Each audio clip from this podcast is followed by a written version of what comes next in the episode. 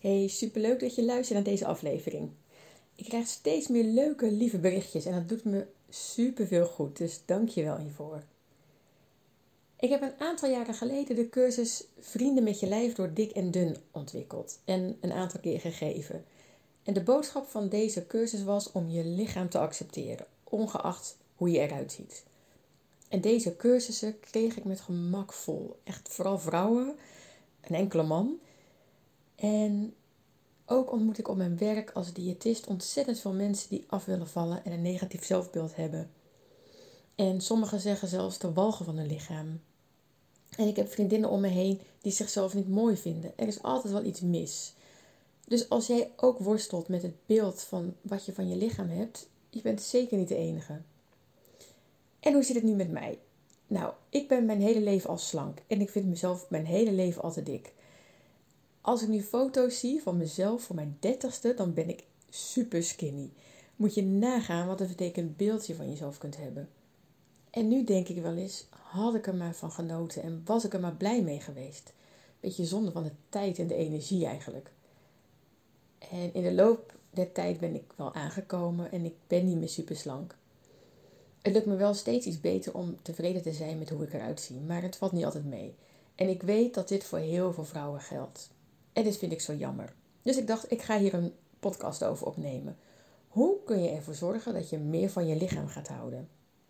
Ik weet dat het moeilijk kan zijn, echt heel moeilijk. En ik ga toch een poging wagen. Dus daar komt hij. De eerste manier om meer van je lichaam te houden is: stop met jezelf te vergelijken met een ander. Er zal altijd heel je leven iemand zijn die slanker en gespierder is. Met mooie haar, mooiere ogen, een kleinere neus, langere benen, grotere borsten enzovoort. Als je jezelf vergelijkt met een ander, zal het nooit goed zijn. Wil je echt heel je leven dat je lichaam nooit goed genoeg is? Iedereen is anders. En onthoud, zelfs die vrouw die jij ontzettend mooi vindt, kan worstelen met haar zelfbeeld. Dus stop ermee. Stop ermee jezelf te vergelijken met een ander. De tweede manier om meer van je lichaam te houden is: richt je op wat wel goed is aan je lichaam. Als je steeds je aandacht richt op wat er allemaal niet goed is, wat zou er dan gebeuren? Pardon. Alles wat je aandacht geeft groeit. Je maakt het probleem alleen maar groter. Stel dat je vindt dat je neus te groot is. Dan zie je dat steeds in de spiegel en je ziet alleen maar mensen met kleinere neuzen. Je zegt tegen iedereen die het horen wil dat je neus te groot is. Het eerste wat je opvalt als je een foto van jezelf ziet, is je neus. En je denkt dat iedereen dat zo ziet. Je bent alleen maar bezig met je neus.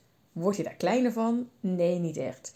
Jij maakt het probleem alleen maar groter. En jij bent ook niet jouw neus. Jij bent meer dan dat. Ik schets het nu even overdreven, maar in je hoofd kan het zo gaan. Richt je aandacht dus op de punten van je lichaam die wel mooi zijn of die oké zijn, waar je blij mee bent. Als je in de spiegel kijkt, kijk dan eerst bijvoorbeeld naar je mooie ogen in plaats van naar je neus.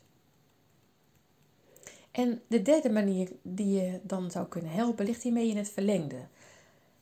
Als je straks klaar bent met luisteren, pak dan pen en papier en schrijf 50 dingen van je lijf op die je oké vindt, waar je blij mee bent. 50, hoor ik je denken, ja, 50.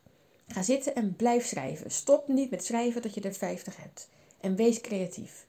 Ze zijn er, echt waar. En lees daarna dagelijks dit lijstje door. Zie de mooie dingen aan jezelf. Richt je aandacht daarop. Denk ook aan een stukje gezondheid. Of dat je benen je overal heen brengen waar je maar wil. Of dat je goede ogen hebt. Mooie tanden, mooie lach. En misschien ben je wel blij met je voeten waarmee je heerlijk in het rond kan dansen. Of met je armen waarmee je de mensen om je heen kan knuffelen. Maak het een ode aan je lichaam. Het kan zo helpen om je lichaam te zien als je vriend en niet als je vijand. Je zal het er echt de rest van je leven mee moeten doen, dus waarom zou je geen vrede sluiten? Dus ga straks aan de slag, pak pen en papier en blijf schrijven dat je 50 dingen hebt die je waardeert aan je lichaam. De vierde manier. Koppel je gevoel over jezelf niet aan de weegschaal. Ik hoor zo vaak dat mensen zich zo enorm gefrustreerd en boos of verdrietig voelen als ze op de weegschaal gaan staan. Dan zeg ik dus, dan weeg je jezelf toch niet. Waarom zou je dat doen? Waarom zou je er expres voor zorgen dat je je zo gaat voelen? Je wil je toch zo goed mogelijk voelen, of niet? En als je nu zegt, ja, maar ik moet me wegen, want anders kom ik aan. Dan vraag ik jou, is dat echt zo? Ga je juist niet meer eten omdat je je gefrustreerd voelt over je gewicht? Zou het niet allemaal beter gaan als jij lekkerder in je vel zit? Ik denk het wel. Koppel die getallen op de weegschaal los van hoe jij je over jezelf voelt. En dan kom ik aan bij de vijfde manier, en dat heeft hier ook weer mee te maken. Koppel je zelfbeeld niet aan je gewicht. Veel mensen denken op de als-dan manier. Als ik minder weeg, dan heb ik meer zelfvertrouwen. Als ik ben afgevallen, dan kan ik mezelf accepteren. Als ik slanker ben, dan durf ik mezelf in de spiegel weer aan te kijken. Lieve jij die luistert, stop hiermee. En draai hem om. Eerst zorgen voor een beter zelfbeeld, zorgen voor meer zelfvertrouwen en acceptatie en dan komt de rest vanzelf. Stel dat jij nu de rest van je leven te zwaar zou zijn, betekent dat dan dat je de rest van je leven je niet meer goed kan voelen en niet kan genieten van het leven? Zorg ervoor dat je eerst je lichaam gaat accepteren en dat je ervan gaat houden. Ongeacht hoe het eruit ziet. Je hoeft het niet eens mooi te vinden, maar er wel van houden. Ik las van de week nog een artikel. Daarin werd gezegd dat je ook kan houden van een oerlelijke hond. Of van een familielid met pukkels en gek haar. Als je echt van iemand houdt, dan maakt het toch niet uit hoe deze persoon eruit ziet? En waarom doe je dat wel zo bij jezelf?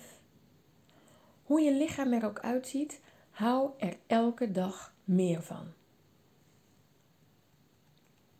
De zesde manier is het gebruiken van een spiegel. Ga voor de spiegel staan en lach naar jezelf. Zie de lichtjes in je ogen. Begin hier maar eens mee.